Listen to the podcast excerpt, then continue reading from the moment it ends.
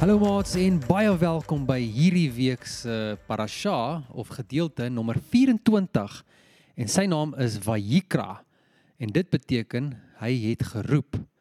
Nou maats, hierdie week beweeg ons oor na 'n nuwe boek in die Bybel en die boek se naam is Levitikus. Le wat Moses? Levitikus Griekie en dit beteken God het geroep en die boek het te doen met die instruksies vir die priesters.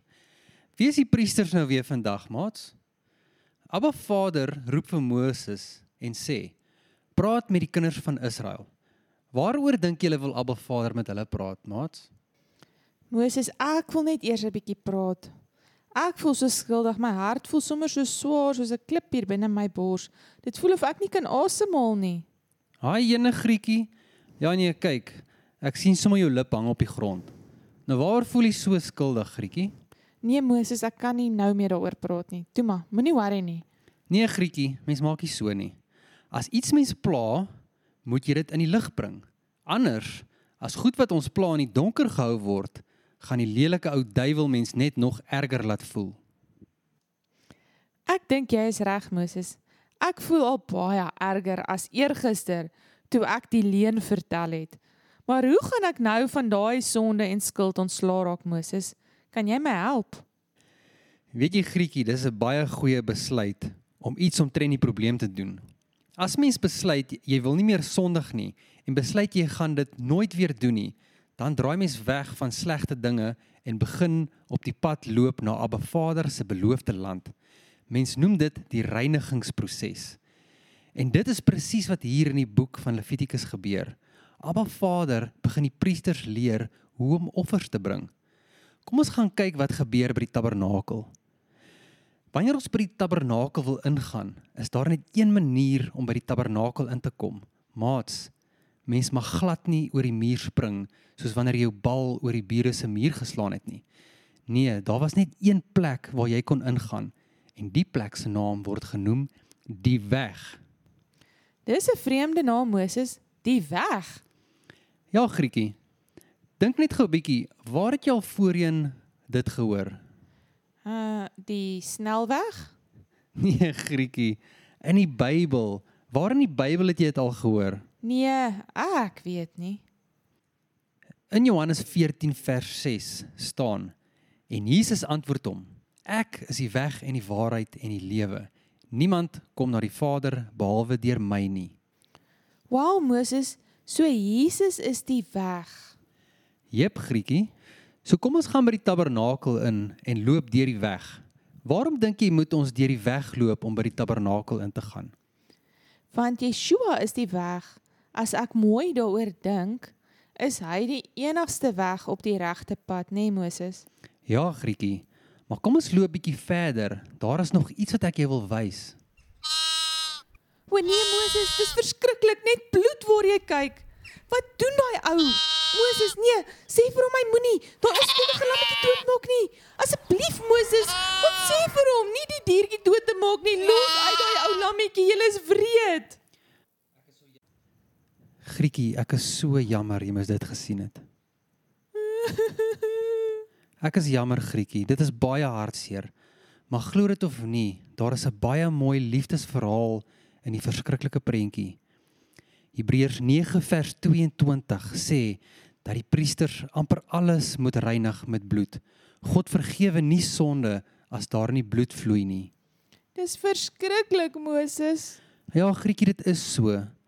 Sonde veroorsaak dat daar nie vrede tussen ons en Papa God is nie en daar moet bloed vloei voordat daardie sonde vergewe kan word. Soos jy nou gesien het toe die man sy hand op die onskuldige lammetjie se kop moes sit en hom offer. Waarom moes hy dit doen Moses? Waarom? So voordat Jesus gesterf het aan die kruis, moes die mense die prentjie sien van onskuldige bloed wat moes vloei. Die persoon wat gesondig het, moes self die dier doodmaak. Grietjie, kan jy dink As jy elke keer 'n lammetjie moes doodmaak as jy gesondig het? O, jene nee, hierdie Grietjie sou amper elke dag 'n diertjie moes doodmaak. Onthou jy die parasha van die hoëpriester wat Yeshua is wat vir eens en vir altyd verzoening moes bring tussen Abba Vader en die mens? Ja, Moses, sjoe. Eintlik laat Yeshua se bloed my dink aan 'n groot rooi laken wat so oor baie vuil goed gegooi word en as jy die laken oplig, dan is al die vuile goed weg. Ja, Grietjie, dis 'n baie mooi prentjie, maar ons moet altyd onthou dat Yeshua het ons baie duur gekoop met sy bloed. Dit was nie goedkoop nie. Wat bedoel jy daarmee, Moses? Dit beteken ons kan nie net sonde doen en dink dat Jesus se bloed is daar. Ons kan dit net weer en weer doen en vergifnis vra nie. Nee, ons moet omdraai, weg, ver weg van sonde afloop na Abba Vader toe deur die weg wat Yeshua is op die regte pad. Grietjie, ons moet eintlik elke dag ons eie wil, ons eie sondige natuur neerlê. Weet jy wat is eie wil? Ek weet, Moses, dis wanneer ek wil dit en ek wil dat en alles gaan oor Grietjie, Grietjie, Grietjie. Want net Grietjie is die belangrikste Grietjie op die aarde en alles gaan oor Grietjie, né nee, Moses? Jy is reg met die antwoord ja, Grietjie. Maar dit is nie baie mooi as jy dink alles gaan net altyd oor jou nie. Ons moet aan ander rondom ons ook dink. So hier by die bronsaltaar leer ons ook om onsself neer te lê en oor te gee aan Abba Vader. Sy wil, sy weg en sy manier van dinge doen. Ons as konings en priesters word opgelei om vir die ander mense daar buite in die wêreld te leer van die grootste offer wat nog ooit homself neergelê het. Grietjie, jy kan vir Abba Vader vra om al jou sondes weg te vat, want hy is 'n genadige pappa en is lief vir jou.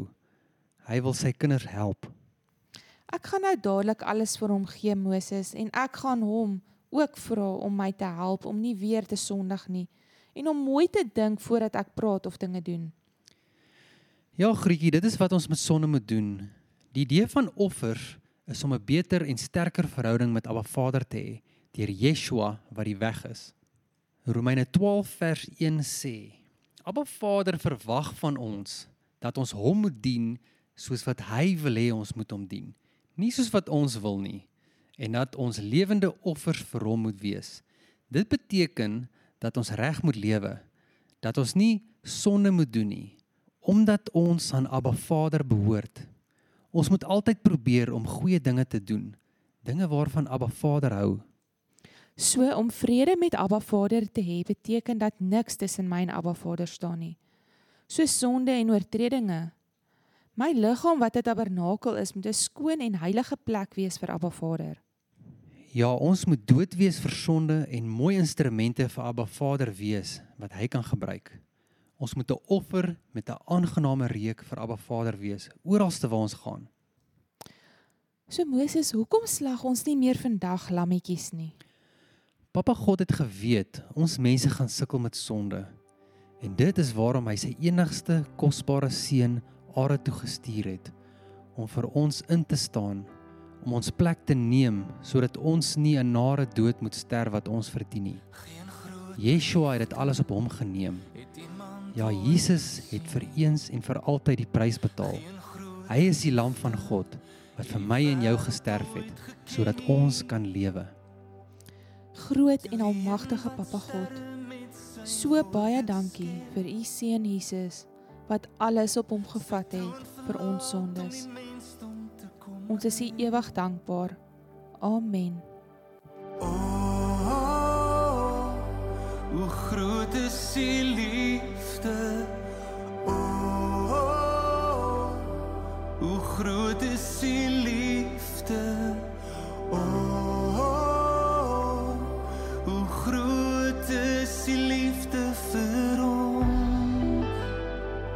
Maats, wat 'n awesome, awesome koning dien ons nie. Kom ons kyk bietjie hierdie week of ons nie ook soos Yeshua onsself kan neerlê en meer soos hy wees nie. Ons kan nie wag om volgende week weer saam met julle nuwe skatte in die woord te ontdek nie. Doodles noodles.